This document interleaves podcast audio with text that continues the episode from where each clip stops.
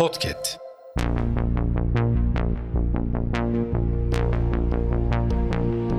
Merhaba sayın dinleyenler. Hafızanın yeni bölümüyle karşınızdayız. Tarihte bugün yaşanan olayları aktaracağız. Tarihlerimiz 22 Kasım 2023. Yıl 1906. SOS tehlike sinyali Berlin'deki Uluslararası Radyo Telgraf Konvansiyonu'nda kabul edildi. Yıl 1948. İkinci Türkiye İktisat Kongresi toplandı. Yıl 1906. Öykü yazarı Sait Faik Abasıyanık dünyaya geldi. Yıl 1950.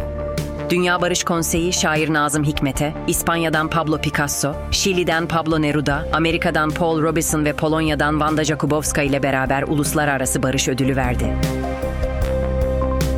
Yıl 1963. ABD Başkanı John Kennedy, Dallas'ta uğradığı suikast sonucu hayatını kaybetti.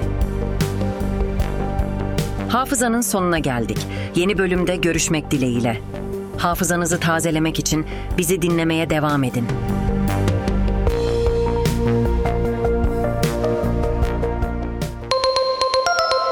Podcast.